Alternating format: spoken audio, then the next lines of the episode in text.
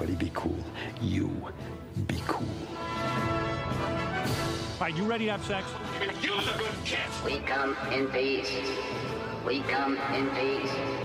You are the motherfucking Antichrist! We're gonna let you go, okay? Ok. Film er best på radio. I'm gonna make him an offer he can't refuse. Nova Noir. Hei, hei, hei, hei. Dette er, er Daniel Nilsen reporting live fra kontorene på Radio Nova. Dette her er Nova Noir. Eh, velkommen. Eh, vi skal ha en eh, kjempefin sending i dag. Med meg i studio i dag så har jeg med meg, Karin Grette. og, Ludvig Wiltil. og på spakene har vi Maria. Hei. Riktig. Veldig hyggelig. Eh, vi skal egentlig eh, Hva skal vi snakke om i dag? Vi skal snakke om eh, postapokalyptiske filmer. Vi skal gå litt mer i dybden eh, på temaet. Men åssen har du hatt det egentlig, Karin? Hatt det bra? Jeg har hatt det bra. Jeg var på sending for to uker siden. Det var veldig gøy. Alltid deilig å være tilbake igjen. Skikkelig fint vær i dag. Det var skikkelig deilig. Jeg var så forberedt på å ha sol, og så ble det sol. Og det likte jeg veldig godt. Det er første gang jeg har vært oppe på så tidlig på morgenkvisten, eh, så jeg føler meg egentlig helt forferdelig i dag. Eh, hva med deg, Ludvig? Det går bra, ass. Første sending siden eh, jul. Og jeg, jeg, jeg er Siden klar, krigen. Jeg er klar. Siden krigen. Siden krigen. Jeg er klar, ass.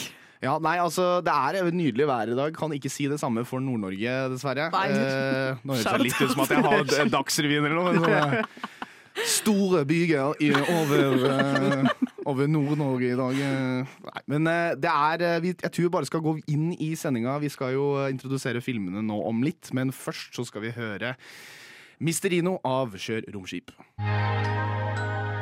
Sett siden sist. Sett siden sist. Sett siden sist. Sett siden sist. Sett siden sist.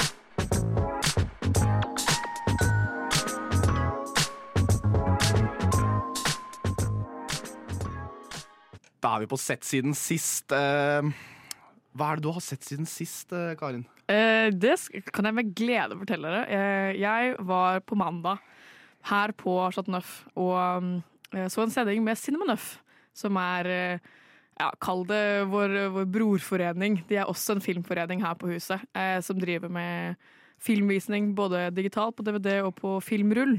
Og vi skal ha besøk av dem i slutten av februar, starten av mars en gang. Og da har jeg fått gleden av å se litt filmer hos de, eh, blant annet da Ravenous, som vi så på mandag. Uh, Ravenous uh, er fra 99 uh, og har Guy Pearce i hovedrollen.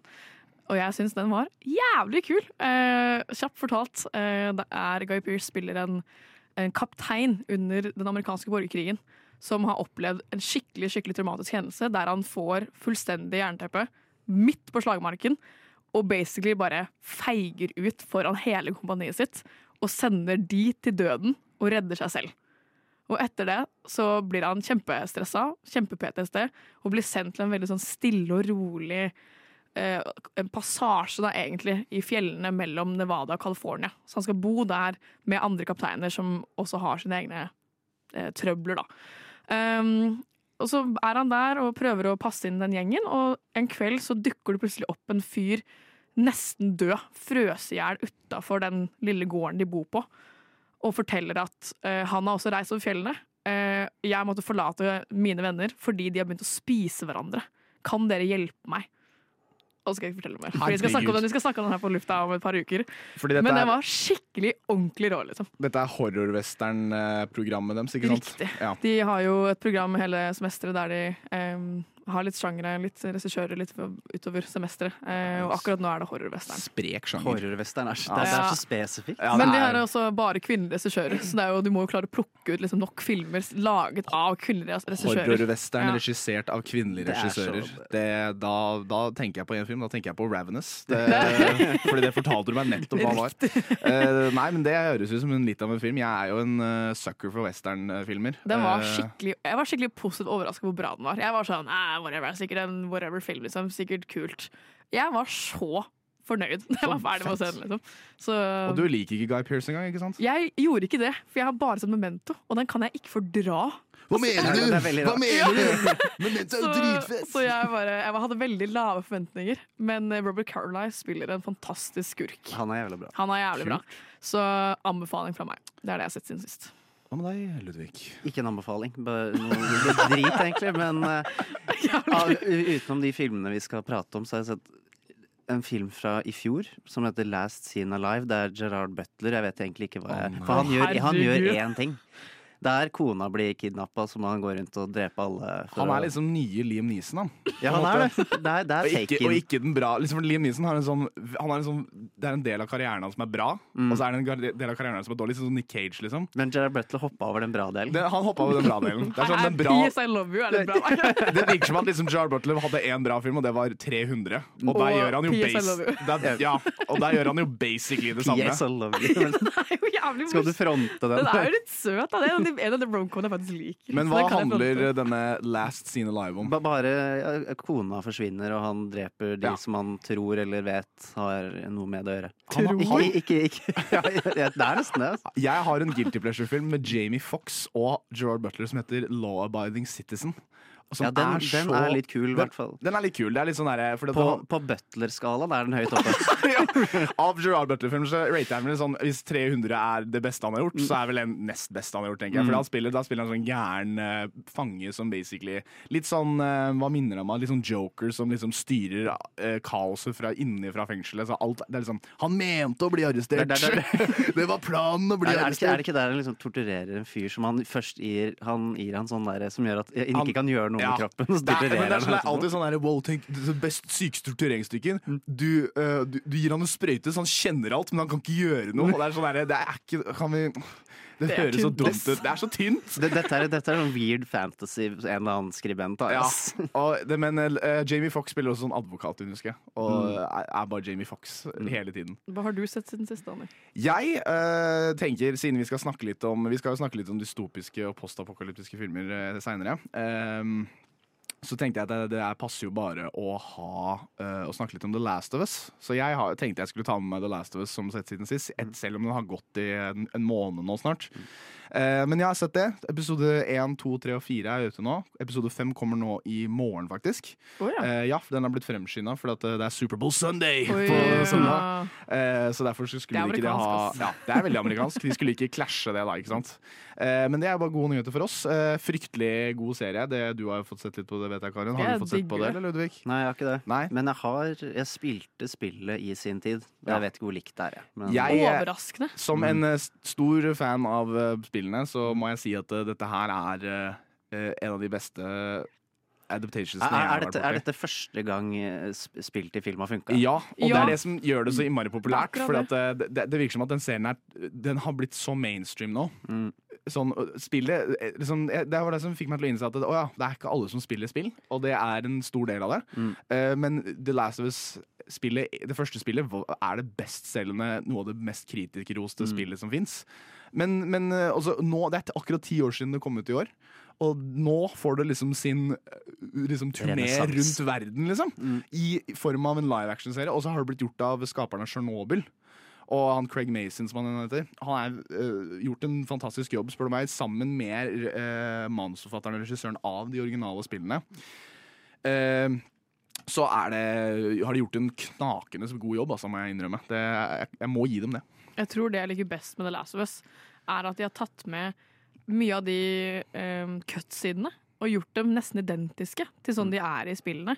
Eh, med da både replikker, plassering, utsikt, antrekk. Eh, alle de små vitsene som Ellie drar gjennom hele spillet, har hun er fett. også gjort i serien. Så det er nesten sånn Og så er de bare Det er en scene der eh, Joel og Ellie sitter i en bil og sitter og leser et blad i baksetet. Og så har de bare data det så det riktig i tiden, for det er jo ikke samme årstallet, men det er like langt i liksom, avstand fra Mm. da utbruddet skjedde, til da serien er satt. Og så drar det som en joken. Mm. Uansett. Og det er, bare, det er så gøy å se at de faktisk har spilt spillet, tenkt litt over det, og plassert alt inn Det er sånn i fa fanservice som funker, da. Ja. Det er fanservice som funker. Uh, en annen ting som også det gjør veldig bra, er at det, det, det tar aspekter som du egentlig er, som er veldig vanskelig å utforske i et spillformat. Mm. Å elaborate mer på det i et serieformat. Så for eksempel hvordan denne pandemien satte i gang. Eh, hva, mer info om dette viruset. Eh, kan gå mer i dybden på noen karakterer som du ikke har så veldig mye mm, til overs for i spillet. fordi at du har rett og slett, det, altså det er en spillopplevelse og en serieopplevelse er to vidt forskjellige. Eh, så i Last of Us-spillet så må du på en måte liksom plukke opp bitene mens du beveger deg i real time. på en måte. Mens eh, serien kan da ta f.eks. bruk av mer flashbacks, kanskje litt mer eh, exposition og litt mer forståelse, som, som bare øker egentlig bare innlevelsen, og ikke, ikke minst ekspanderer universet, som du alle har blitt så veldig glad i gjennom spillene. Så hvis du, jeg vil si, hvis du liker spillene, og du liker eh, eh, gode serier, så anbefaler jeg deg å tett- ta en titt på dette her. Fordi det er, jeg vil si det er det mest sette og mest prata om serien i verden akkurat nå. Eh, og med god grunn, eh, fordi det gjøres bra, og det er eh, godt, godt skrevet og godt regissert. filmnyheter. Alt som vi lager nå, er remakes eller liksom samme historie om igjen. Om det har skjedd eh, en stor eh, skandale. Film. Film. Film. Film. Film. Film. Film, film, film, film, film, film, film, film, film, film, film. Nyhet. Film, til filmnyheter. Veldig nytt. Til filmnyheter. Film. Du hørte riktig, det er filmnyheter vi skal snakke litt om. eh, Det nyeste og mest spicy newsen og gossipen rundt i filmjungeltelegrafen. Vi må jo selvfølgelig deepdive litt. Grann. Eh, Jeg kan begynne med min filmnyte. Det er ikke sånn veldig dramatisk. Det høres ut som at jeg er sånn TMZ akkurat nå, men det er jeg ikke. Eh, Nei, eh, i dag, eller i går, ja, det var i går, så droppa det en liten trailer til en film som heter Paint. Og det er en biopic om livet til Bob Ross. Hvor, jord, Ja. Hvem er det som skal spille han? Gjett- jeg vil nesten at dere skal prøve å gjette. hvem Er det som Seth spiller. Rogen eller noe sånt? Ah, det er veldig, men det, er, det, er, det er veldig godt gjetta. Um, Bob Ross hvem Ja, Jonah Jonah er, Hill. han fakt Nei, ja. er han faktisk maler, eller er det bare en som bare skal spiller Bob Ross? Nei, altså, det, det er jo en skuespiller, da. Jo, jo, men kanskje Er de det en, liker krøll, å male? er det en krølltopp, eller er det parykk? Det er en parykk. Er Nei, skal- han som spiller eh, Mark Zuckerberg? Oh, også Network. ikke en nordmenn. uh, hvis du bare gir han litt facial hair, så tror jeg du kan være med på noe. Nei, det er Owen Wilson, så klart! Er det Owen Wills?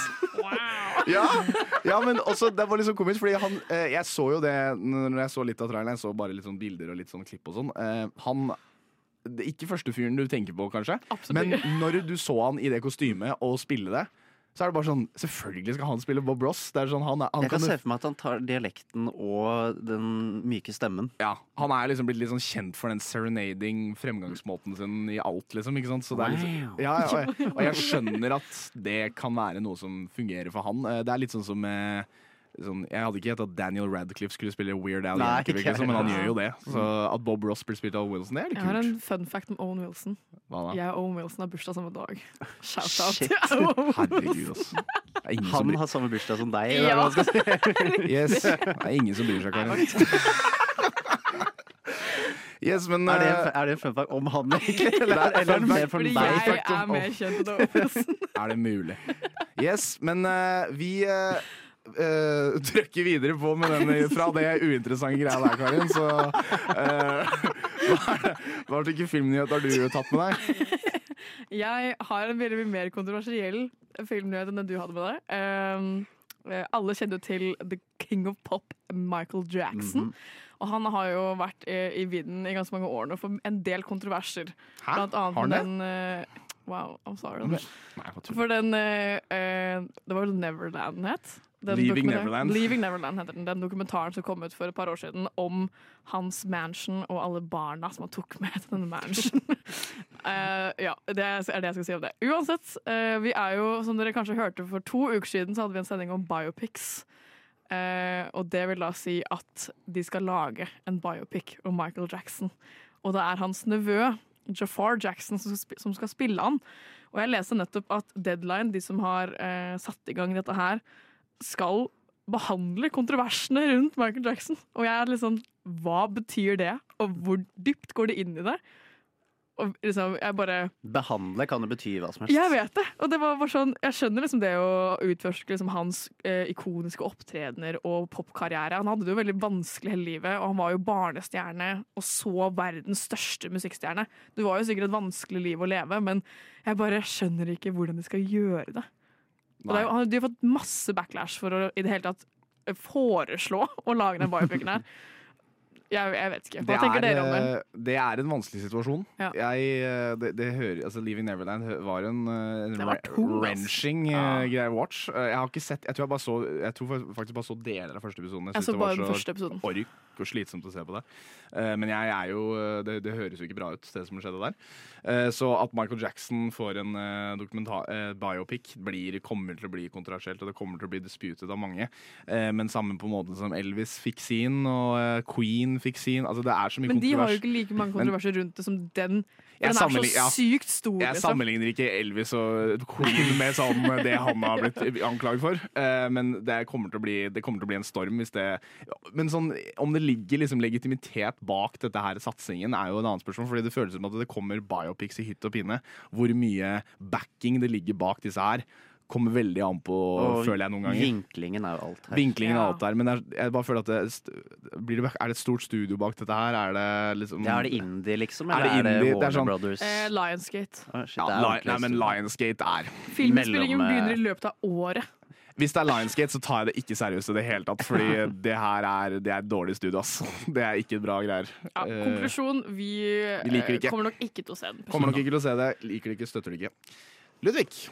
Eh, jeg har egentlig bare en litt sånn der moronyhet. Det er at uh, Harrison Ford har Han har vetoet bort alle gamling-jokes er fra, fra den nye Indiana Jones-filmen. Det backer det. Det er så kjipt, ass. Det er ikke noe vits å sitte og kødde med det. Alle vet at den er og, gammel. og, Liksom. og, og artikkelen hadde litt sånn der Han begynte nesten å prate om sånn der ageism-greie og sånn.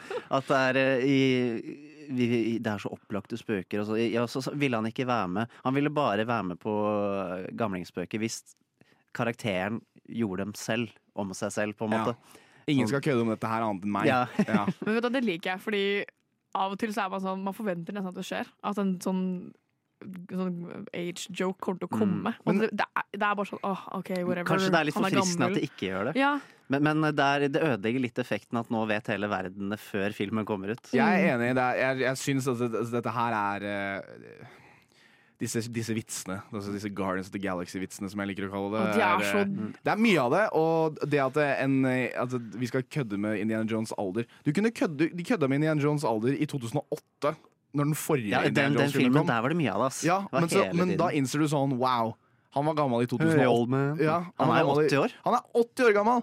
Uh, så det at, men jeg har allerede sånn, fra traileren jeg har sett, så har jeg allerede sett at de liksom deepfaker han på stuntmenn og sånn. Mm. Og da begynner jeg å bli sånn De skal jo spille på at han kanskje nettopp har fylt 63, liksom. Hvis du skjønner? Litt sånn derre Mm. Det er sånn som i Last of Us Joel skal spille 56 år gammel i den, i, når det spiller seg ut. Og han er jo ikke det, så han må jo liksom legge på litt. på en måte Mens her virker det som at de skal trekke ned. da, ikke sant? Det er sånn Gammal, eh, gammal er bare et ord. ikke sant? Det er sånn, det er 80 eller 70 eller 60. Det er, sånn, det er stor forskjell på 60 og 80. ass. Sånn, det er bare du er en helt annen fysisk shape. Sånn, det, 80-åring. det er vanskelig sånn du, du kan være verdens sprekeste 80-åring for min del, men altså, det han gjør i den filmen, det er godt gjort hvis du Jeg, får til jeg lurer på hvordan liksom det fysiske kommer til å spille seg ut i filmene. Hvor, Ja. hvor mye han gjør selv, og hvor mye det er body double. Og sånn. Jeg husker traileren åpna at han, har en, han kjører et tuk-tuk-race gjennom en sånn crowded street og hopper fra den ene tuk-tuken til den andre, liksom, og så hopper det til at han kutter det til at han liksom rir på en hest uten sal. Ikke sant? Og da blir det sånn åtte gamle Harrison Ford klarer det? Rir på en hest uten sal i dress. Det er sånn, det er Men godt skal, gjort, ass. skal han ikke være sånn skurk i MCU eller noe sånt nå? da? Skal han det? Noe sånn, noe sånn der Thunderbolt eller et eller annet Nei, han skal være Red Hulk. Han skal være den røde hulken. Og det skjønner jeg ikke hvordan de skal gjøre. Eh, Nå fant han ut at han skulle være med i superheltfilm. Jeg likte veldig godt når Nick Nolte spilte skurk i, uh, i, uh, i Hulken. Det er han, han spilte skurk uh, i Ang Lee sin Ja, uh, han er Hulken i faren hans. To, ja, ja, ja, 2003-hulken som spilte Der han uh, driver bi biter av den strømminga Ja. og blir sånn strømmann. Han Jeg skjønte sånn- ikke det er Det rareste ever. Ja. Det er en sånn Og hvor han har en sånn mutert puddel. Ja, Spiller sånn, han spiller sånn filmen klikker Denne helt. filmen var så kul. Det var Eric Banna som spilte Hulken i den mest Jeg, jeg, jeg, CGI-ete syns den, jeg syns den får for mye hate. Jeg Jeg syns den får altfor mye hate! Jeg synes noen av de er sekvensene originalt. Ja, den holder opp enda. Den, jeg syns den holder opp enda og, Men eh, Nick Nolte som skurk få tilbake Nick Nolte. Jeg, jeg syns han eh, er en champion. Eh, Det er jo eh, mye spennende dere tok med til kontorene på Nova Noir i dag. Eh, Men jeg tror vi skal eh, trøkke videre, og så skal vi endelig introdusere dette temaet som jeg har tisa nå i 20 minutter. Eh, Vi går videre med en liten låt. Da skal dere få Good Kid av Bo Millie.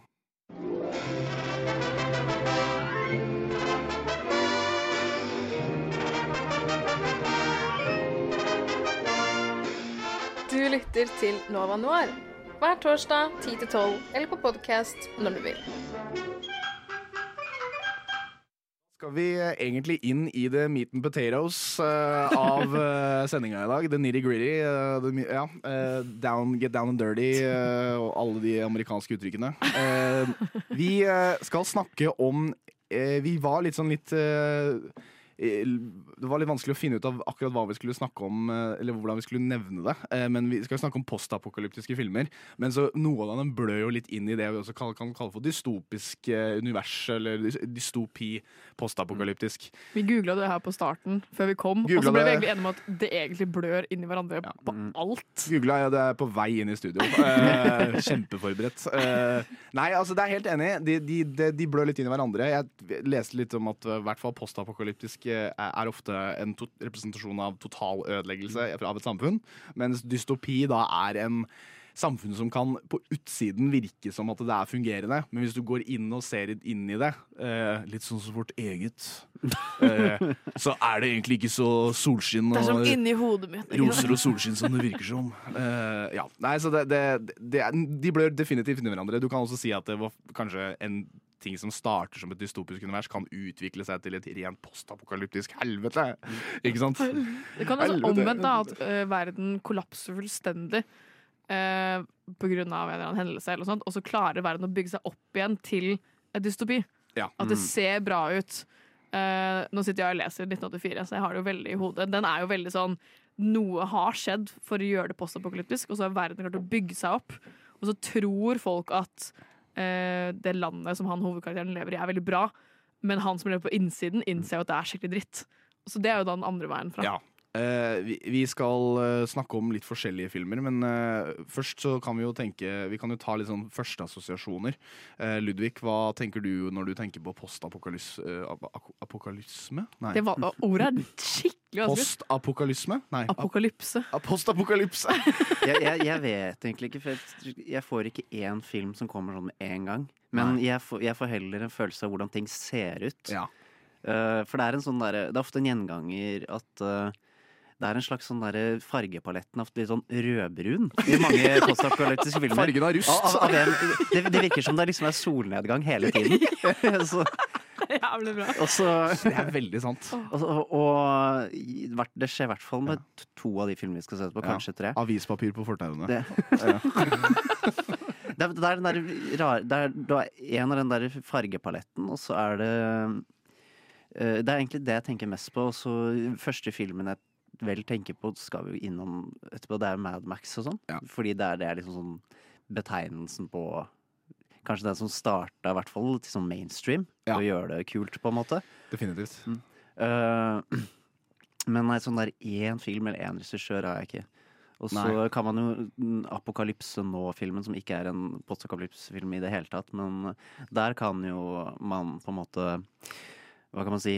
Eh, Bruke titel, eller analysere tittelen opp mot filmen, da. Ja, det, den definitivt. Mm. Det er jo det, Jeg husker jo når jeg så Apokalypse nå, så det var liksom det, Jeg husker jeg hørte så mye om den tittelen, men jeg ante ikke hva filmen handla om. i det hele tatt. Så fant jeg ut at det var en krigsfilm som var do- adaptert fra en uh, roman. Uh, Mm. Og så ble jeg helt sånn Det Vietnamkrigen, liksom. Ja, det Men det jeg fant ut det, så var jeg sånn Hæ? Ja, den, den originalboka er jo zombiefilm, eh, er- handler jo om eh, franskkoloniserte Kongo, tror jeg. Oh, ja. Eh, og det samme konseptet er at det er Men dette her er Vietnam. Og jeg husker Jeg, jeg var alltid sånn Hvorfor heter den her? Mm. Og så i en av sekvensene så står det spraymart på Mm. stein. En sånn stein så står det 'Our motto'.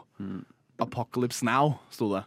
Og da kan man trekke linjer til hva apokalypse i den forstand betydde. da Mm. Som nesten kan For meg så blir jo det der at det, eh, det, det var en slags eh, Det er en slags motto av total ødeleggelse og wiping out av eh, samfunnets normer. da Og alt skal, det er sånn, for, å, for å bygge noe opp fra bunnen av, så må du først annihilate alt. Også i, også i krig så forsvinner jo mye med menneskelighet òg. Ja. Og så sånn, det, det, det er- virker som at det, det, det er jo veldig mange sånne moderne skurker som alltid er sånn der, De skal alltid ødelegge verden. ikke sant? Mm. Og det er sånn derre You cannot rebuild society without a great sacrifice. og det er alltid sånn derre Hva er det da? Som, We gotta nuke the world. Ikke sant? Og, det er, og det er sånn Det er alltid sånn derre i, hver gang du, nå er det litt oppbrukt, men jeg husker første gang jeg hørte det, så var det sånn wow, fuck, det er fucka tenkt, ass. Men uh, han har jo et poeng, da. Så det, er sånn, nei, det er jo helt sjukt. Når, du er- når du er 15 år ja, ikke sant? og- Så, wow, sjukt, ass! Det var sånn Mission Impossible-skurk, liksom. Ja. Hva med tror- deg, Karin? Jeg tror det jeg forbinder med postapokalyptiske filmer, er uh, når filmen begynner med 'In the not so distant future'. Ja. Eller sånn 'In the year 2313', eller uh, sånn uh, 'I framtiden', eller et eller annet sånt. Når det begynner med sånn at noe i framtiden kan føre til at vi også havner der.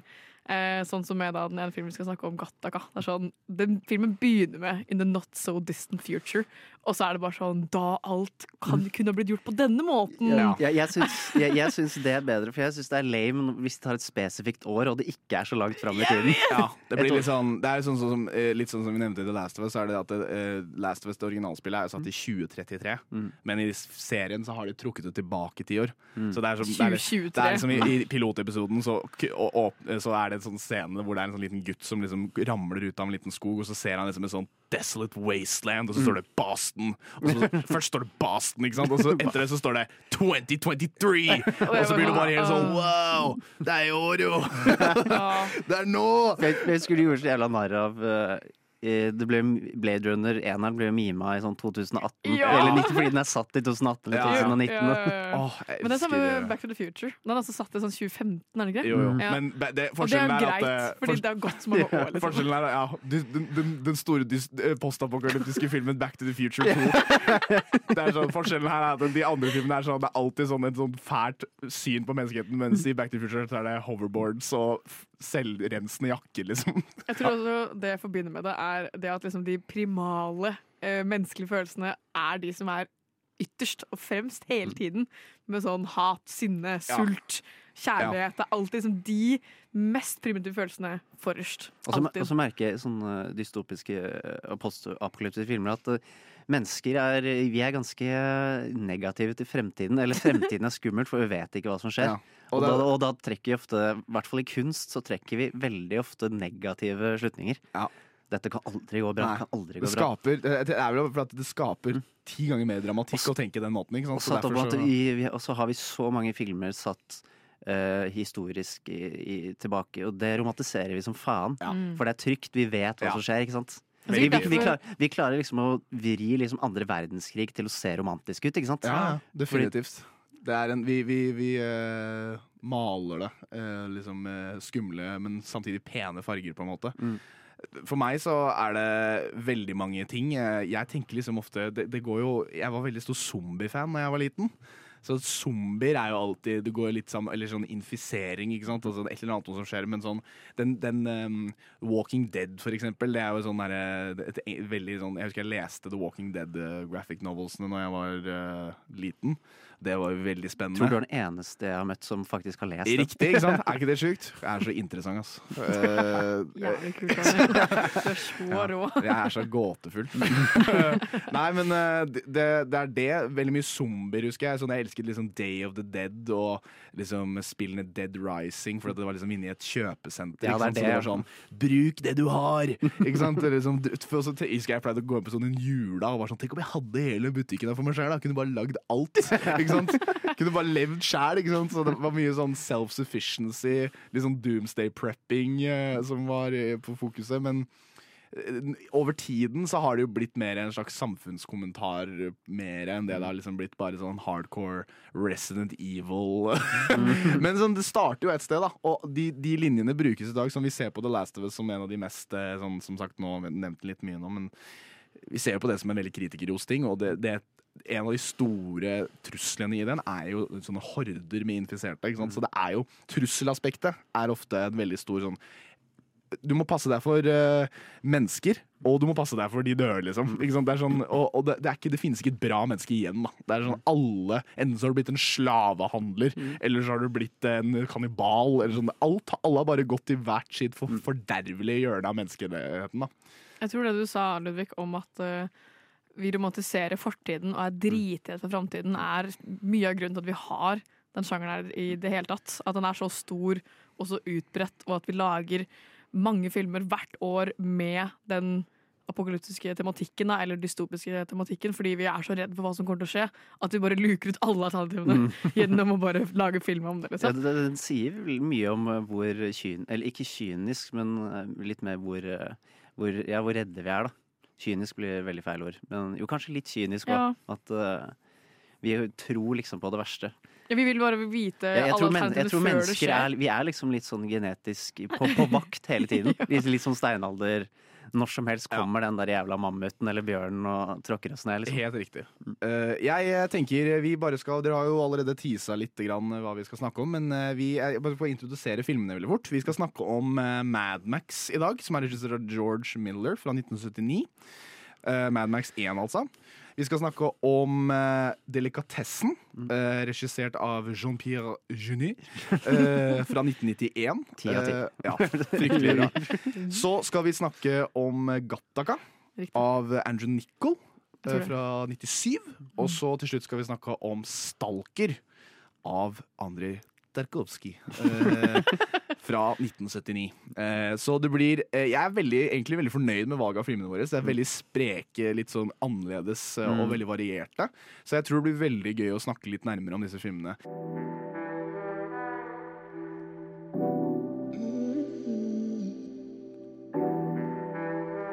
Nova. Nova. Nova Noir. Har du fucka med noen filmer i det siste? Har du fucka med noen filmer siden sist?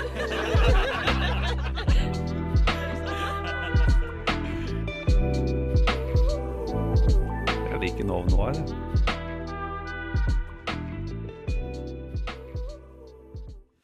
Der, eh, nå skal vi snakke litt om Mad Max. Eh, Mad er jo regissert av George Miller uh, fra 1979. Og det er jo vil jeg si, en av de uh, mest independent australske filmene i- altså, som vil jeg si lever i beste velgående. Og som et sånt household name så er Mad Max fryktelig til stede. Men det handler rett og slett om eh, patruljemannen Mad Max som eh, lever i eh, not so distant future eh, dystopian Australia. Ja.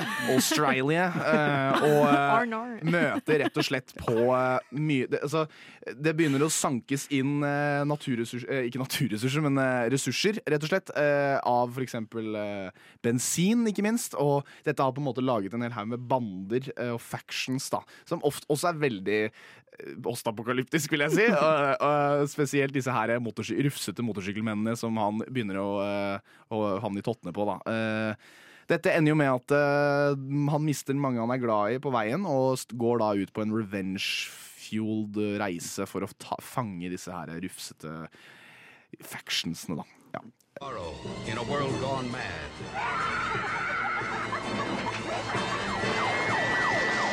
Only law will be a renegade squad of suicidal cops. He's my prisoner, and he's not walking out that door. And the open road will be controlled by gangs of glory roaders.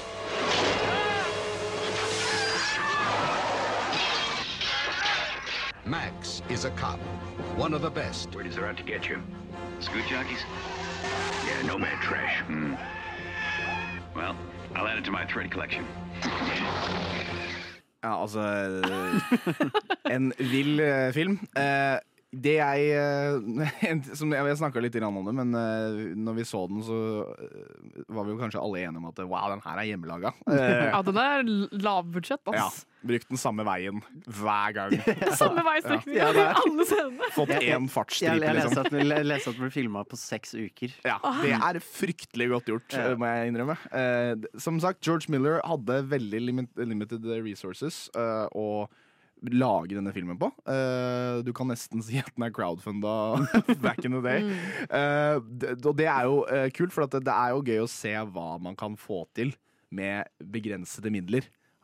Og kunne lage en slags near dystopian Ja, for, for, tilværelse. for det er jo bare Det, det ser jo ikke spesielt som Det, det er jo bare Australia. Det ser ut som Australia. Men en som, ting som er kult med det, er jo at det, ja, kanskje det er sånn det hadde sett ut. Altså, Samfunnet hadde ikke bare deteriorata med en gang. Hadde ikke, det- hadde ikke bare Alt hadde ikke bare Ja, for, for dette er jo starten. Ja, dette er starten. Og- Dette her er en utvikling. Det er fortsatt gårder og samfunn og det som sagt litt polititjenester og legetjenester, og ting fortsatt ser ut som det skal.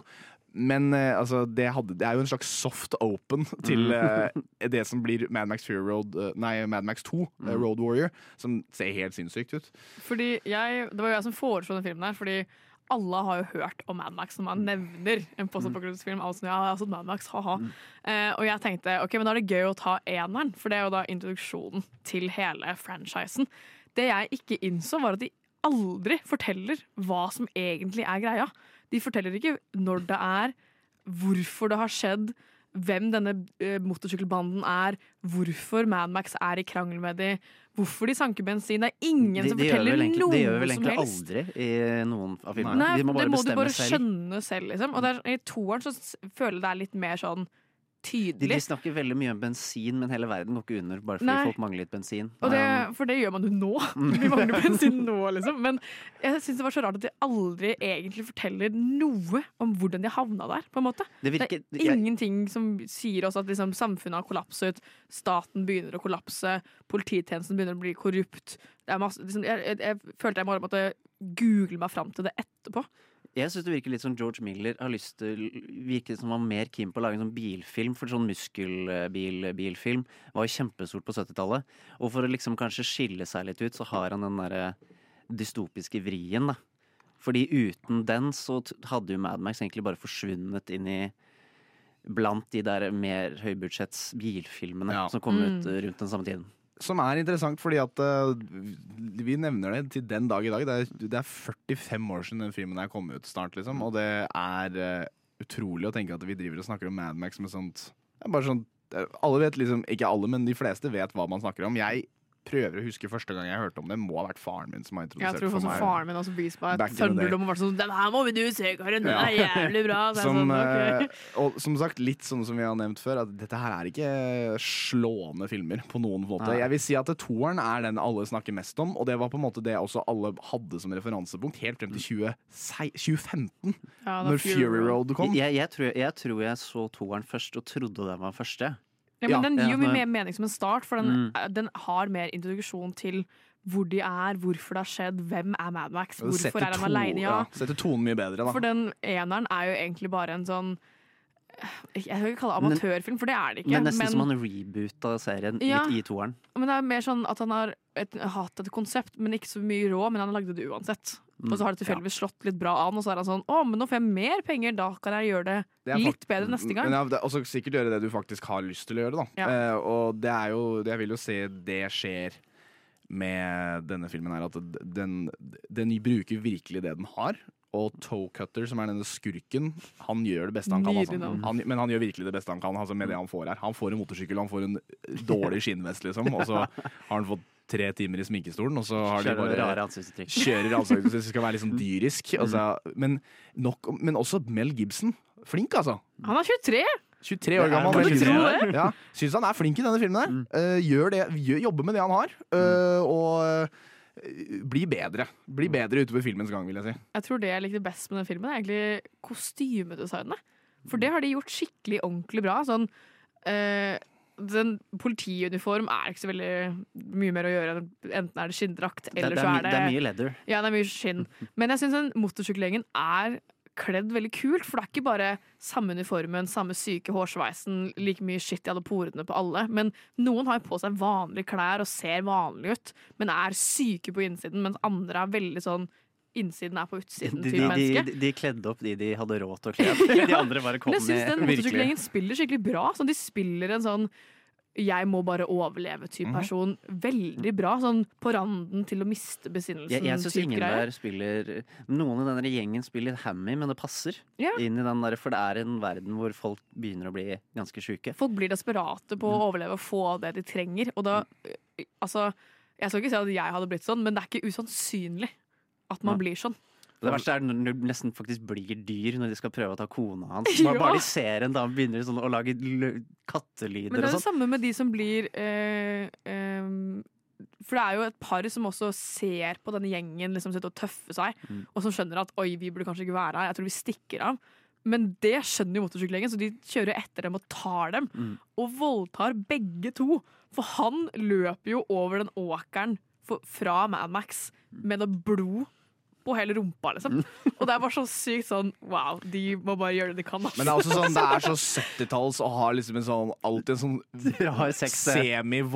semi-voldtekts-skogsscene, Ja. liksom. Samme når hun løper gjennom den skauen og Mm. blir jagd av dem, liksom. Det er alltid sånn Nå skal vi jage en lille dama, liksom. Ja, ikke tynn liten dame. Ja, og det er sånn Og det er så mye wailing og roping, og det er liksom alltid det, er, liksom det er liksom en eller to for mange scener med hun kona som skal stikke av fra, de, Ja. fra, de, fra den gjengen. Men det skal sies, mye av, mye av han, han bruker det han har, og mye av bildespråket er også veldig originalt. Altså, det er sånn, jeg vet ikke om dere ser Hver gang det er liksom en krasj, så er det alltid sånn derre zoom. Og så popper øynene ut. Ja, og, og jeg skjønner hva som skjer med øynene. Hva er de øynene, liksom? Og tenker sånn der, det er en sånn kult særbjøt. Det er så gøy at George Miller også har lagt Happy Feet. Eh, Det var det han egentlig ville gjøre. Ja, Tanken på at George Miller har Mad Max og Happy Feet, det er gøy. Altså. Det er veldig gøy. Men hva syns dere egentlig om det postapokalyptiske? Syns dere det funker? Hva er ratingen? Hva gir vi postapokalyptisk-ratingen på denne filmen? Jeg gir det en sterk femmer. Altså. Fem, midt, midt, midt, på, Ja. midt på. Fordi- av ti, da. Ja, fem, av ti. Fem av ti Jeg, postapokalyptisk. jeg, jeg, jeg syns det funker fordi ting ser så intetsigende ut. Ja. Vi vet jo at det skjer et eller annet her, at dette ikke er normalt Ja. i Australia. Men det er også sånn det at bensin blir en mangelvare, er ikke Mm. usannsynlig. Og Nei. det at da samfunnet basically kollapser pga. det, er heller ikke usannsynlig. Da, da, Så det er da jo- jeg at det, sånn det som sett er det da en av de mest realistiske filmene vi har som og, og det som liksom skal skje der, folk på trass bare skal kjøre så mye motorsykkel Ja, og bil de ja. kan. Er det Men, liksom sånn, men sånn konseptet med hvordan de havnet der, er vel realistisk. Resultatet er jo åpenbart dramatisert for Mm. filmens skyld. Men det at liksom verden blir litt gærne av at de mangler bensin, Mm. er ikke usannsynlig. Fordi det, det som gjør den der sånn postapokalyps- eh, postapokalypse her, er at den er det er, det er, den er så, liksom så vag ennå at det er sånne som- ting som faktisk kan skje noen Ja. steder. Ja. Hva rater vi den, Karin? Eh, Av pop og postapokalyptisk? jeg må gi den en åtte av ti. ass. Åtte av ti? Ja. Sterkt. Seks og en halv. Seks og en halv. Ja. Ja. Jeg syns uh, Mad Max er uh, Vi må takke Mad Max for å sette uh, Standarden. standarden, og ikke minst bygge alle dette her vi lager klisjeer av. Og alt, altså, alt starta, mye av det starta med den, i eh, hvert fall eh, popkulturelt, eh, og ble mye større enn det det sikkert antok. In a world that's powered by violence. In a world without gas. In a world where owning a radio was strictly forbidden.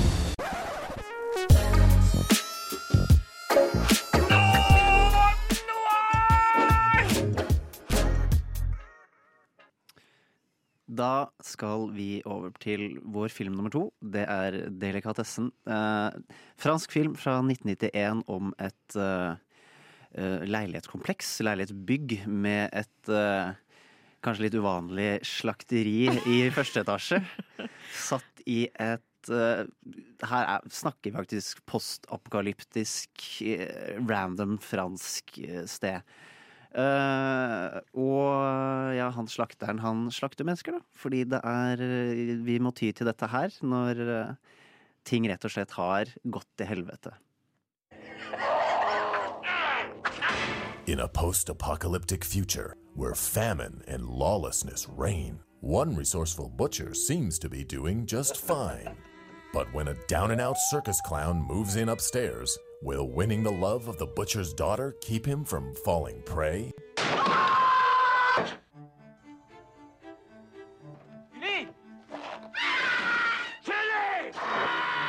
Louison Julie. Fire.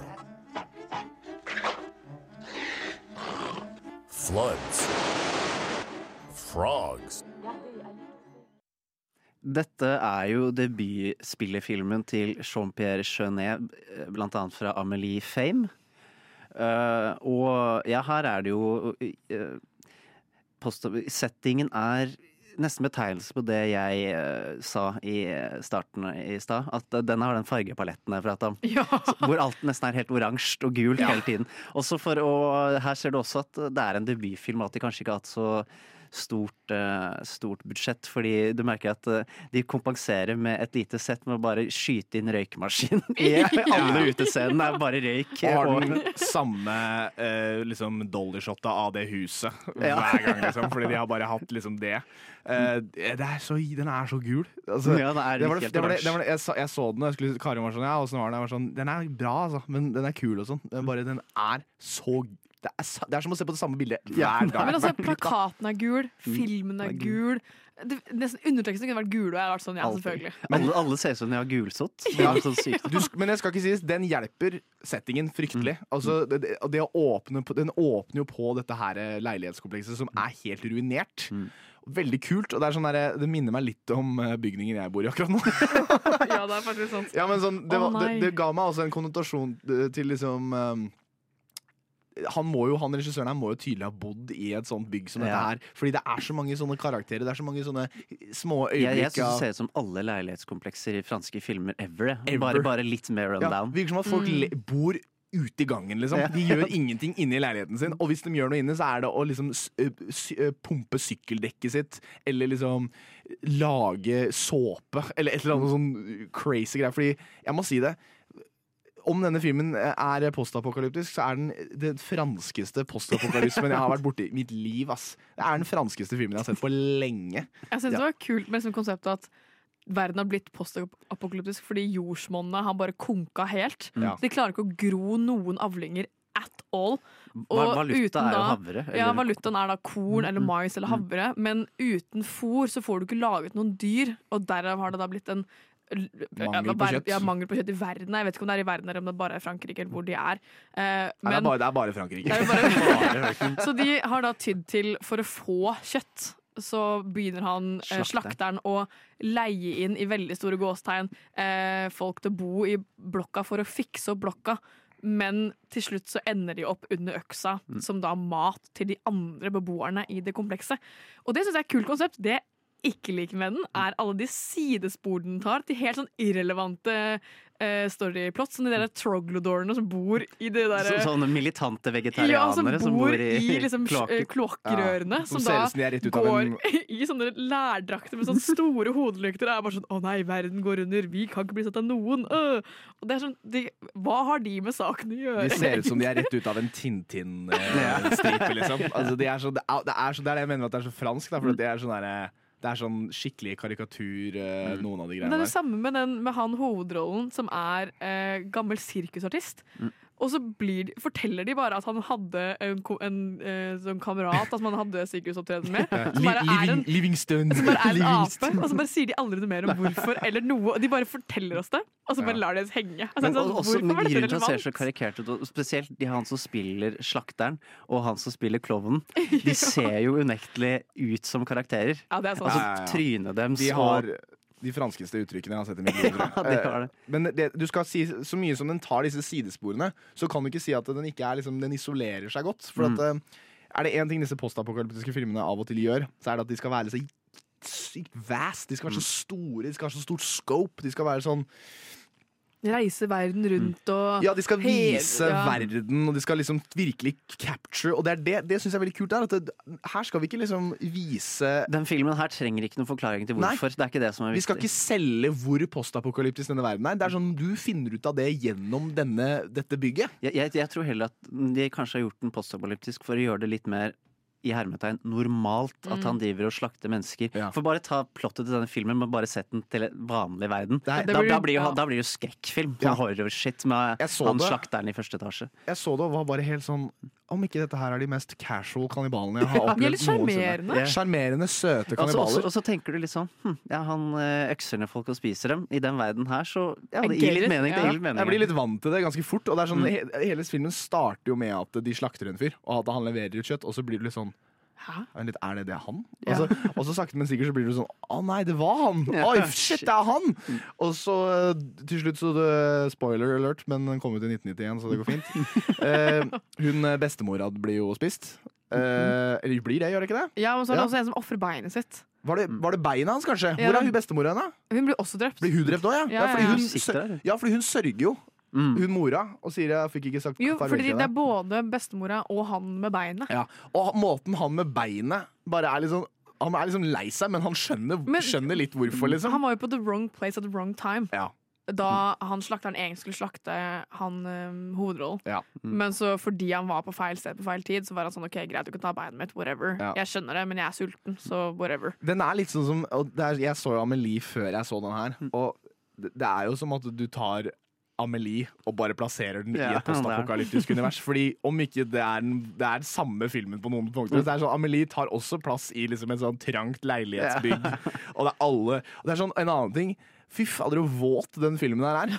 Sånn, sånn no, no pun intended. Men sånn fytti grisen og våt den er. Sånn, det, alt er fuktig, alt er suger, ingenting Alle svetter. Er Alle svetter hele tida. Det er mugg overalt. Det er en legit froskemann. Det er en froskemann som bor i kjelleren der og Han fyller jo leiligheten med vann, og så legger han snegler til å formere seg der. Så han er, hele rommet er bare dekket Ja. av frosk og snegler. Og så bare er han sånn Å, wow, ekstra kjøttsupply for der- meg. Så sitter han og spiser snegler. Der, der tror jeg Genet liksom anerkjenner selv hvor fransk denne filmen faktisk er. Du bare kjører snegler og frosker. ja. legit sneglemann som lever av det. Men også Ja, og det er sånn der, Jeg får så, sånn fuktnoia. Jeg får sånn noia for fukt i Jeg, jeg leiligheten prøver å tørke meg, liksom. Ja, jeg, jeg, jeg får så lyst til å liksom være som hvis, jeg, hvis Dog og sånn blir helt sånn gæren av det. Så på den måten så at den, den tar noen sånne aspekter av postapokalisme som vi kanskje ikke tenker så mye på. Sånn Fader, Hvis dette her hadde brutt løs Det er mange som hadde fortsatt bodd i de samme byggene sine i lang men, men tid. dette er også et eksempel på en sånn dystopisk film hvor menneskene ikke har klikka 100 Nei. Annet enn at de spiser mennesker, som er ganske fucked up, så lever de fortsatt et sånn, så normalt liv som de kan. Alle har ikke begynt å på De hverandre. te, eller, eller de, har hverandre, de har hverandres back, de bare lurer folk inn til å spise dem. Det er Ja. liksom Og i sann fransk fashion så er det mye quirkiness. Det er mye Bare en sånn mye... casual musikkinnslag der som liksom begynner med rytmen til at han slakteren puler oh, i Ja! senga. Begynner å knirke, og så bare alle har en sånn lyd som passer til Ja. den rytmen. Det er bare en fantastisk sekvens, og det er derfor Sånn, så mye som jeg Jeg vet ikke om jeg, jeg var, var min favorittfilm jeg har sett. Liksom. Det var ikke det beste jeg har sett, men det må eh, applaudere regien og, og timingen, og, og du ser at dette her er et eh, passion project. Mm. Eh, det likte jeg veldig godt med filmen. At du ser at dette her har blitt brukt mye tid og, og eh, forståelse og, virkelig jobbe godt med. For at den, den, når jeg så den sekvensen her, så ble jeg sånn OK, dette her er et, dette, er, dette har særpreg. Og altså, det, har- kan, det kan du ikke be mer om av, da. Jeg har alltid interessert meg for debutfilmer til regissører. Ja. Spesielt de flinke, for de pleier ofte å være litt annerledes. De pleier å være- og de, er, og de er ofte unge og uerfarne, og det kan ofte, ofte kan det gi noe interessant. De går all out, rett og slett. Mm. Hva rater vi den på apokalypseskalaen vår? Og jeg elsker den filmen her. Den, øh, jeg er lett på ni eller ti av Ni ti. eller ti av ti, Ja. altså. Jeg tror jeg må ta det du sa i stad. Jeg, en jeg fronter Ja, delikatessen. du, Ja. du, er, du er glad i det. Det er veldig, Mm. det er veldig kult. Det er veldig gøy Det er en veldig annerledes film Mm. å være glad i. For at det, det, jeg føler at Amelie er den som får all ragen av Mm. han eh, Genet. Eh, du ga den seks og en halv, Ja. Jeg gir den en sterk sju, altså. Jeg tenker at eh, hvis det er eh, Jeg, jeg får Eller vet du hva, nei. Sju greit. Den, den, du, du, den, eh, den får en bump fordi at eh, det, det er, eh, den er så gul. Og eh, eh, den får også en bump fordi at jeg liker at menneskene er på en måte så casual, men det er åpenbart noe jævla gærent. Trekker litt ned med disse her Troglo-folkene, for at jeg skjønner ikke helt greia. Liksom- Livingston. Li- ja. Bumpes litt, ja, altså, bumpes den litt opp med Livingston, syns jeg. Ja. Fordi morsomt med apen. Liker Ja. apen. Du lytter til Nova Når. All right. Vi går videre til film nummer tre, som er eh, filmen Gattaga fra 1997. Starring Ethan Hawke, Jude Law og Uma Thurman i de tre hovedrollene. Eh, denne filmen er, eh, som de eh, så pent introduserte den med, satt in the not so distant future.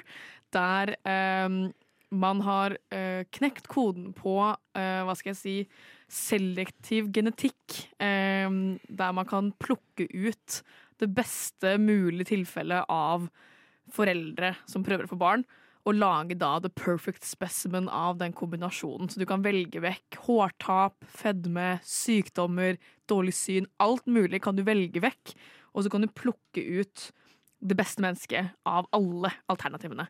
Um, vi følger da karakter, hva heter han, eh, Vincent Freeman, spilt av Ethan Hawke, som er eldstesønn av sine foreldre, som ble unnfanget naturlig, eh, som da sliter med hjertefeil, dårlig syn eh, og har bare 30 års eh, forventet levealder.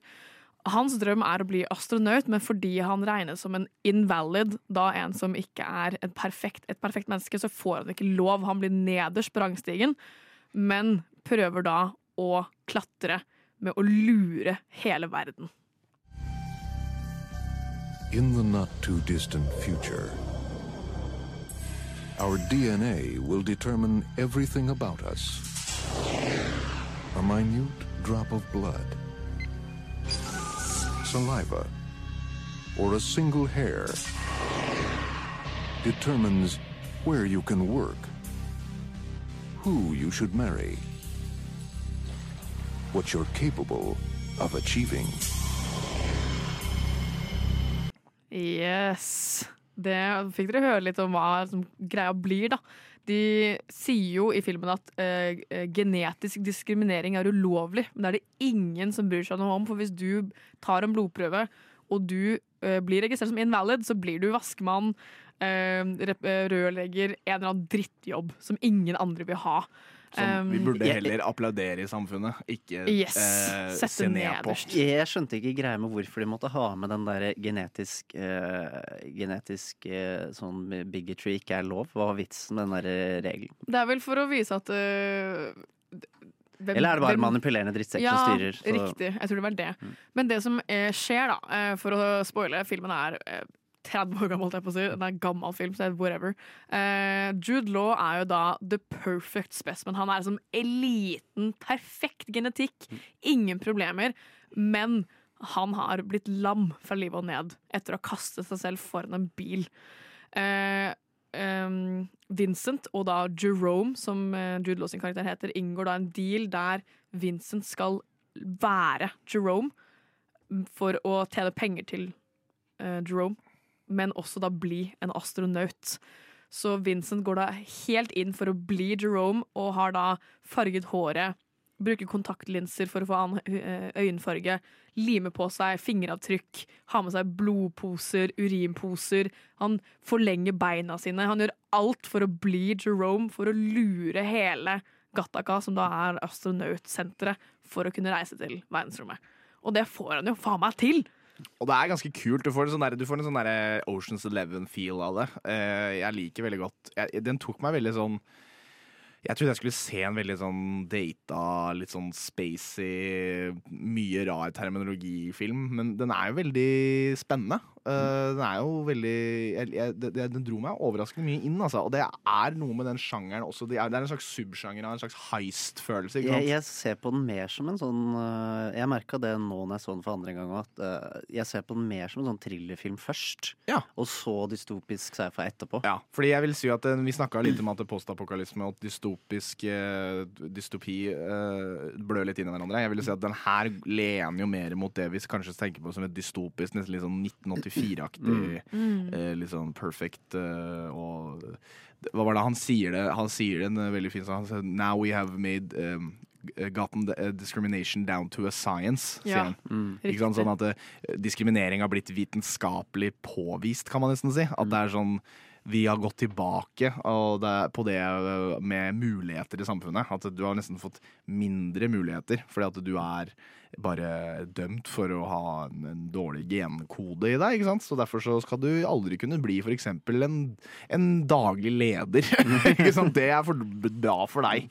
For det jeg syns er bra med den, er jo at Vincent faktisk klarer å, å lure folk, men han blir jo til slutt akseptert som det mennesket han egentlig er. For han har jo en lege som han drar til hver gang han skal ta blodprøver, urinprøver, whatever, og blir ganske godt kjent med han.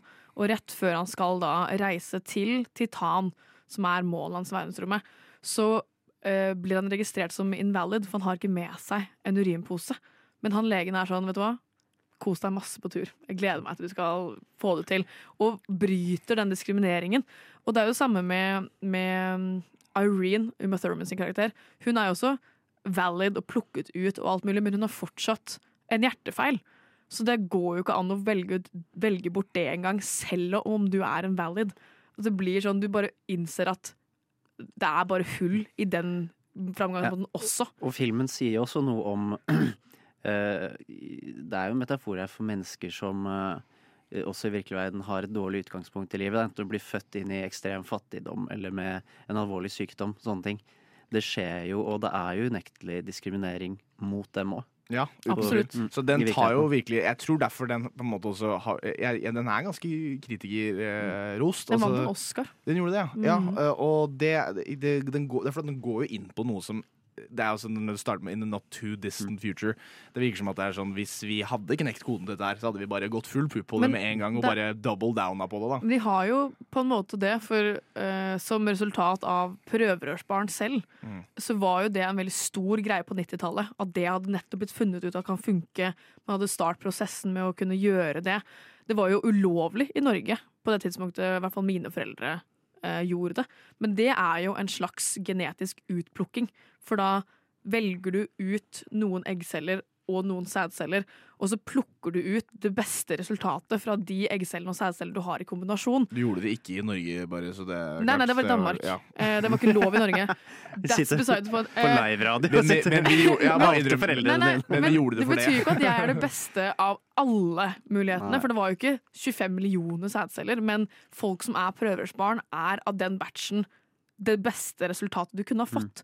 Og det er jo nesten på vei til å bli Gattaca allerede. Ja. Og det er jo litt skummelt å tenke Jeg tenker jo at det er veldig relevant. Og en ting, men jeg merker at jeg, jeg har behov det, det her er, det, Den fortelles i et veldig store begrep. Sånn romreise, perfect specimen, sånn millionær Alle der er jo liksom velstående. Du ser aldri liksom et innblikk i hvordan det egentlig er. Jeg skulle gjerne likt å sett liksom mer av denne her universet i vanligere kontekster, hvis du skjønner. Sånn jeg føler at det, det må jo være det, det, her er sånn Alle går rundt som sånn derre high sentient beings, liksom. som aliens går rundt Jeg tror de brukte sånn. alle pengene på de settene de fikk laget. Ja, sånn, ah, sånn Den ekkolyden der alle rommene er så store og tomme. Det virker som alle i denne verden her er bare ve hvite, velstående mennesker. Liksom, Ja. ikke sant? Så jeg skulle bare den, Kanskje Jeg tror det som trekker den litt ned for meg, at det blir veldig mye av det samme. Men det som trekker den litt opp, er kanskje det at det blir litt slags mordmysterium. Og den er veldig sånn noir. Veldig sånn noiresk. Det er mye, sånn, mye bildespråk der, mye elementer mye sånn, som går igjen, som er litt sånn noiresk. Uh, som er veldig kult. eh, men sånn rent den, den, denne- denne- dette genplottet er jo på en måte alltid sånn ved siden av handlingen hele tida. Men jeg liker det. Ja, jeg liker Det det er jo veldig sånn La folk være folk. Ja. Hvorfor skal vi sitte og kontrollere det òg, liksom? Jeg stusser over den replikk han legen sier. Han sier sånn Yeah, I never told you about my son, did I? He's a big fan of yours. Og så begynner jeg å tenke sånn Er Veit, Visste han legen det hele tida?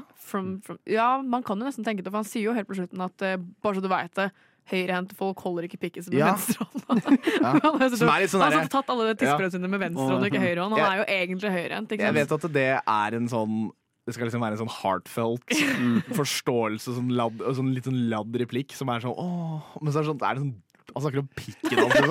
Men han sier det på starten. Jeg Han synes det der, jeg vil bare si du hadde ekstraordinær pikk, ass. Det var Ja, helt ja, ja. sykt. Kunne ikke foreldrene mine plukke ut en sånn til Og så liksom liksom? deler du med et sånn fint blikk og sånn Hold, hold kukken din med venstre hånd. liksom. Og så er det sånn, så er det sånn Ha en fin tur. Og så er det sånn så det, jeg, jeg vet ikke, det var sånn Den traff ikke helt hjem for meg. På, på lista over ting du ikke vil høre fra legen. Ja, Ja. det er jævlig fin pikk. Ja, det var sånn, han, han var overlig fokusert med fallos, denne legen her. Ja.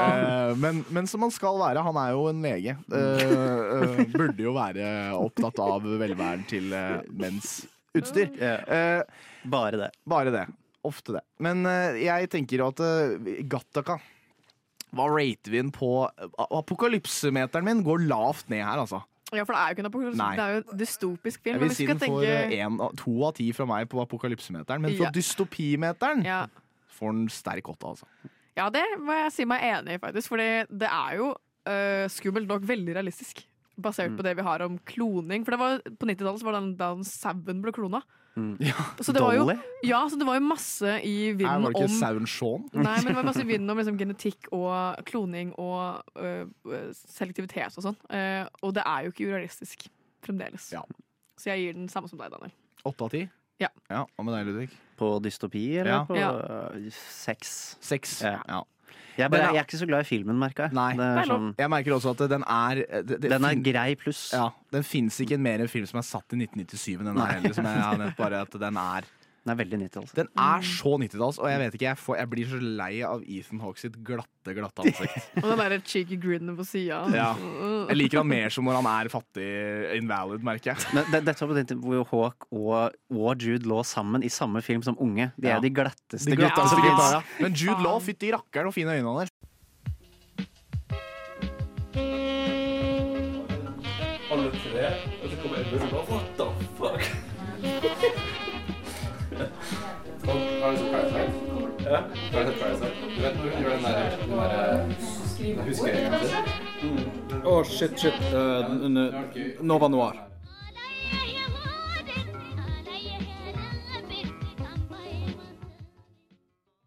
Nå er vi på den eh, siste filmen vi skal snakke om i dag. Vi, eh, det er altså 'Stalker' fra 1979 av Andrej Tarkovskij. Uh, Andrej Tarkovskij er jo en, eh, en legende innenfor uh, filmverden, og eh, han er jo egentlig det jeg vil kalle en av de store Mount Rushmore-figurene av eh, kunst og poesi i film. Eh, og derfor så er det jo litt kult å ha med noe som kan virke litt postapokalyptisk i det universet, fra noen som er på det nivået som kanskje en Akira Kurosawa eller en eh, Steven Spielberg. eh, no, noe stort, eh, et stort navn innenfor filmverden, da. Eh, Stalker handler jo om at det er et område i det som vil jeg anta er et slags Sovjet-Russland, som kalles sonen. Og sonen er et sted eh, hvor det foregår eh, Hvor naturens regler ikke eh, stemmer. og hva som helst på en måte skjer, og det er veldig, noen veldig satte regler i dette området. Og det sies at langt, langt inn i sonen så er det et rom hvor dine villeste ønsker, uansett hva det er, kommer til oppfyllelse. Så det har blitt en slags folklore-vibe av det, da. ikke sant? Og et stalker er rett og slett et yrke, virker det som. Altså en stilling du kan ha. Og det handler om at du guider, smugler folk inn i sonen. Eh, Og det er det denne filmen her tar utgangspunkt i. Det er en stalker som skal uh, eskortere en professor og en forfatter inn i denne sonen, uh, som har hver sin grunn til å komme inn. Og noe av det veit du ikke, og noe av det finner du ut av mens de kommer seg nærmere nærmere sonen. Og du ser da de beveger seg inn i en veldig surrealistisk, men uh, nesten sånn time-bending time-bending univers. Зона — это очень сложная система ловушек, что ли. Но стоит тут появиться людям, как все здесь приходит в движение. Ja, zone, som vi alltid sier. Eh, Dette er det russiske ordet for eh, sonen, og det er jo veldig kult. Eh, jeg, jeg elsker denne filmen her. Den har vært en av mine store filmskolefilmer. Det, Det er litt filmskolefilm. Ja, det er virkelig det. Eh, en utrolig, eh, et utrolig display av eh, regi og bildespråk, vil jeg si, og motiverte karakterer og bevegelser. Og eh, et godt eksempel på hvordan du kan lage en interessant handling gjennom god, godt skrevet manus, men også ha disse her virkelig sånn abstrakte, poetiske øyeblikkene. Eh, og det føler jeg den exceller på, samtidig som den også har noen virkelige dystopiske og litt postapokalyptiske elementer, syns jeg. Jeg, jeg så den her sammen med deg, Daniel. Jeg og hadde aldri sett den før. Jeg har jo hørt mye om Tarkovskij, men aldri sett en film av han. Eh, og måten du introduserte den på, fikk meg til å forvente at den var skikkelig ordentlig dritt. For du sa jo bare at Dårlig selger. ja, bare sånn, han, han sa bare uh, Bare så du vet det, så er ikke det her veldig typisk sånn, uh, sånn eh, film som du ville sett på. Det er skjer ingenting. Jeg sier dette her i lys av at du har sett Avatar fire ganger på kino. Hei, hei, hei. Det er besides the point. Det, men du sa bare at den handler egentlig ikke om noe som helst, det skjer ingenting, og bare forvente at den er litt kjedelig. Og så varer den i to timer og 45 minutter, så jeg tenkte OK, fy faen, I'm in it for a ride, liksom. Og så var jeg egentlig sykt positivt overrasket over hvor bra det- den var. jeg spilte den Jeg synes den var skikkelig ordentlig bra, liksom. Men er det én ting som jeg kunne ha gjort, var at jeg spilte den opp til skyene, og så hadde du kjeda driten ut ja, av deg. sant. Det er det, jeg, jeg vet i hvert fall at den kan altså, Noen andre Tarkovskij-filmer er lange, eh, og det er ikke fordi at de har lang runtime, det er fordi at mye av det som skjer i filmen, han, han rett og slett utfordrer ofte publikums eh, litt tålmodighet, syns jeg. I hvert fall i dagens lys, hvor alt går i 1000 km i timen, ofte noen ganger i bildespråkverden Absolutt. og i regiverden, så eh, har han her Han lar ting puste veldig lenge noen ganger, og det kan være ofte litt utfordrende. i. Jeg syns det er utfordrende. Jeg har sett alle filmene Jeg syns det er behagelig noen ganger. Altså. Jeg syns det er veldig behagelig, og det er ofte det som skjer i den filmen her, syns jeg òg. At eh, han bruker denne tiden til å la det synke inn, dette universet her. Det er f.eks. en veldig lang scene eh, Det åpner jo med at de er i samfunnet, og samfunnet ser jo helt jævlig ut, vil jeg si. Altså, det, er, det er i svart-hvitt òg. det er i svart-hvitt, Mm. og veldig godt br br eh, bruk av filmen Det er der, sånn syns jeg. sepia-tone, egentlig. Ja, Mm. litt sånn Brun. ja.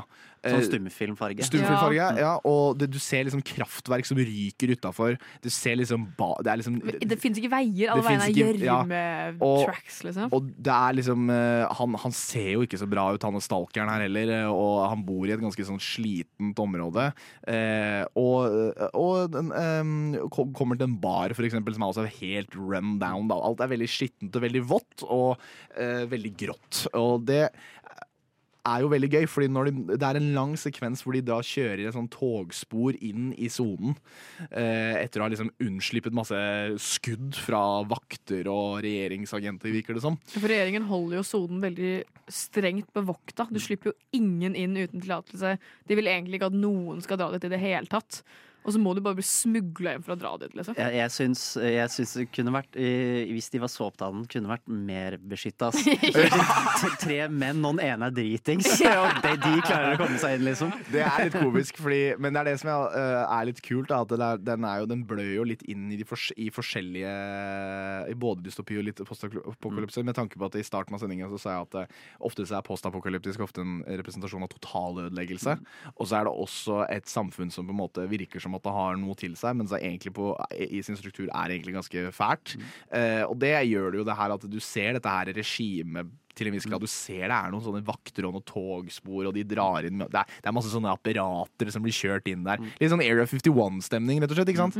Og så kommer du inn i sonen, og du ser det er jo bare tanks som er r- r- råtna, og det er Alt er ødelagt, og alt er vått, og de må gjennom gro groggy tunneler, og helt jævlig, ikke sant? Det er, men, for, er, men for han stakeren så merker du at han har en sånn Det er en sånn scene hvor han bare ligger i gresset, for eksempel, og bare kommer liksom nærmere bakken. Vi får jo vite at han elsker å være der. Han elsker å være der. Det er på en måte hans release, på en måte, Mm. virker det som. Og, og, og det kommer jo en lang sånn conflict of interest-scene etter hvert, hvor han er sånn du, du leker bare Gud inni her, du. ikke sant? Dette her er din verden, for at du vet akkurat hva du kan gjøre for at jeg skal dø eller ikke. Men han er bare sånn Nei, jeg vil genuint hjelpe folk, og det er, en, det er så fæle tider, og ingen har håp lenger. Sonen er håp, ikke sant.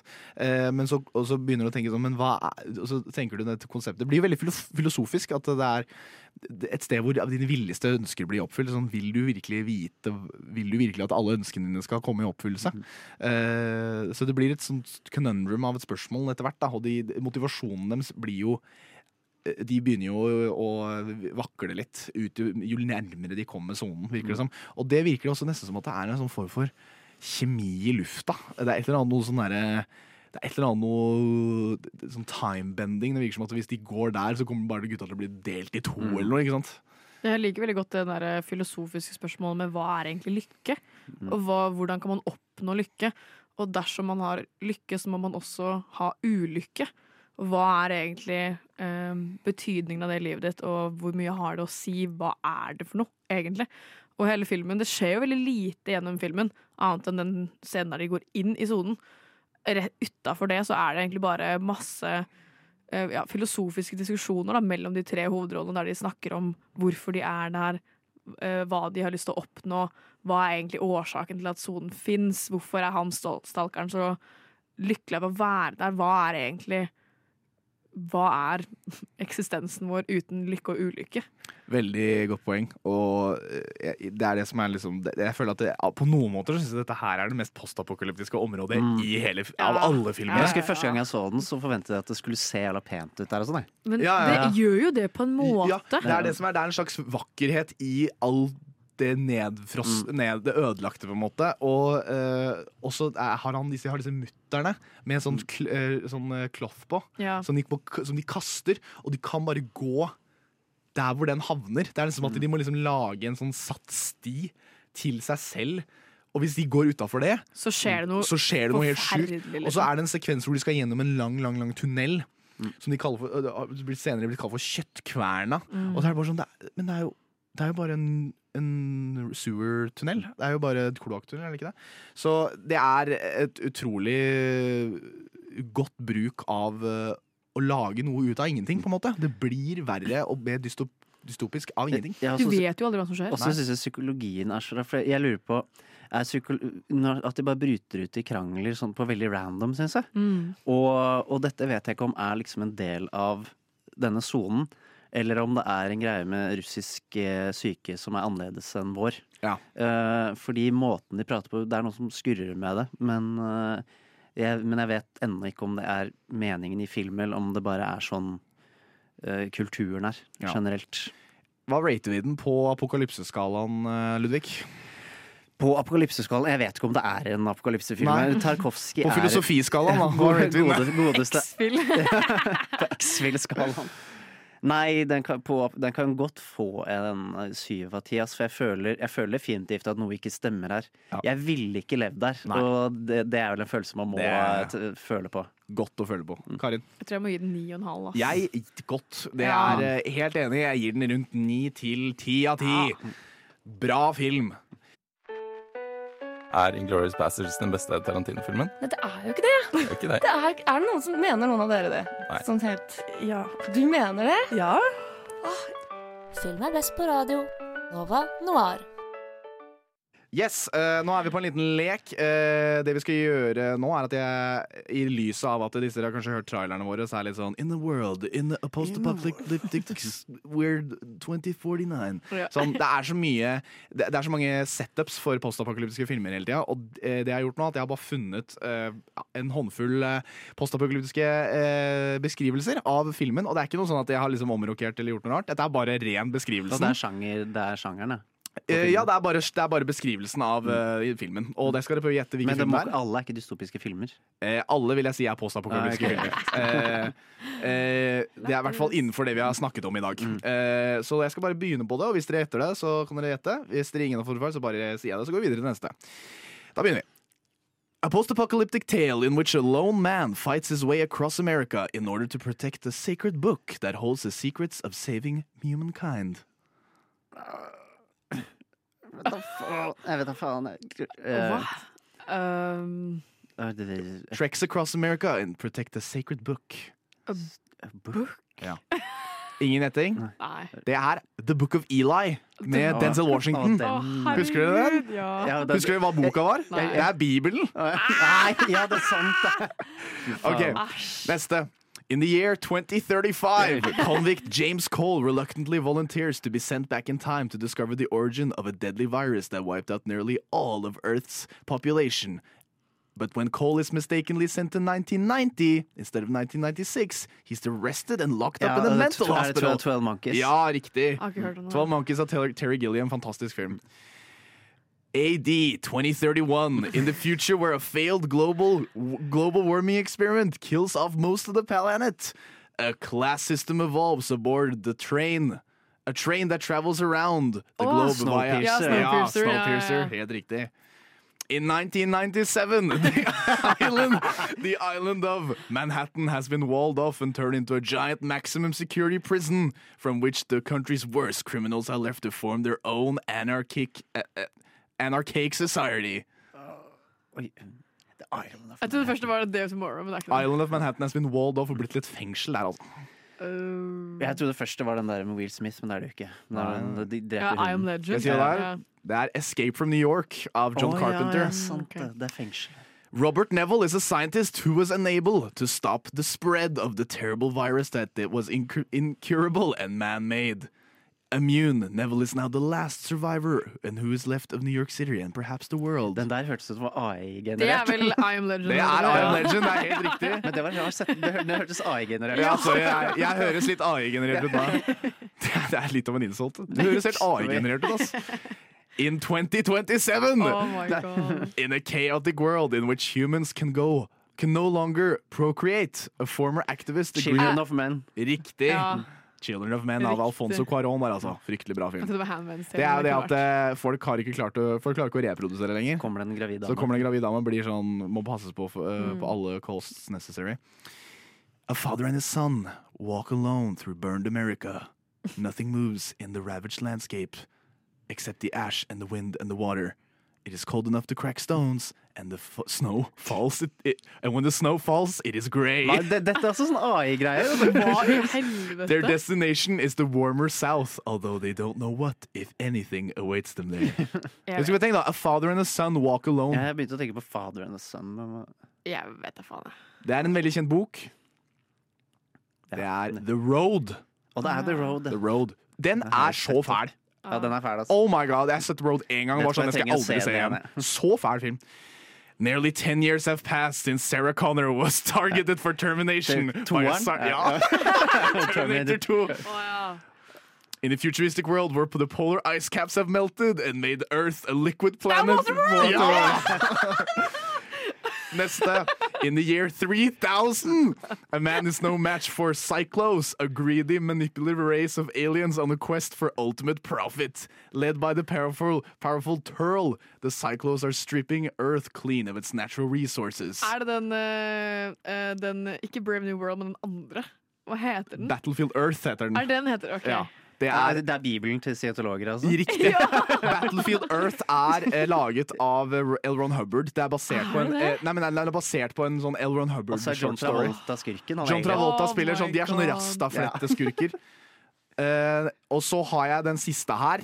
Det er Wally is the last robot left on Earth and has been overrun by garbage. Bro, Wally er så bra. Ja, Det er altså da Wally. Um, det var egentlig det jeg hadde. Uh, Det var veldig gøy lek. det var jo uh, Det var ikke sånn at vi holdt noen score her, men uh, der ser dere hvor utrolig likt mye kan høres ut. Det er mye av det bare- hørtes ikke ut som det var mennesker som hadde skrevet det. Nei, Det det var var sy men det er sykt mye sånn in 2027, in 3031. Utrolig mye greier.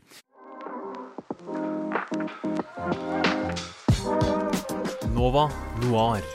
Film på radio. Hver torsdag 10 til 12, eller i din podkast-app når som helst.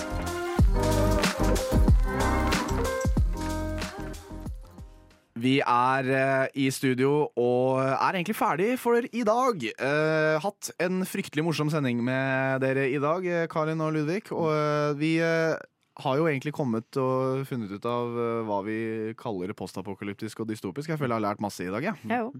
Ja. Absolutt. Uh, hva er det som egentlig skjer videre på uh, kontorene på Nå Noir? Uh, Det skal jeg Karin? fortelle. Eh, hvis dere eh, følte at dere ble litt snytt av valentinsmuligheten, som vi bare dreit på med å ha denne sendinga, så har jeg en, en gladnyhet. Eh, eh, Nova Noir skal ha et samarbeid med lobbyen, som blir eh, sendt på lufta på mandag 13., der de skal snakke om skeive romcoms i da lys av Valentines. Hvis dere har lyst til å se på Valentines, eh, eller høre på Valentines sending, så kan dere høre på den.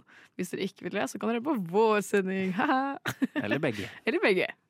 Det er det som skjer sammen. Kjempefint. Det er veldig gøy. Eh, da vil jeg bare gjerne takke for oss. I studio har jeg hatt med meg Karin Kari Grete. Ludvig Viltil. Jeg har vært eh, Daniel Hart Nilsen og takke Maria på spakene i dag. Eh, vi snakkes neste uke.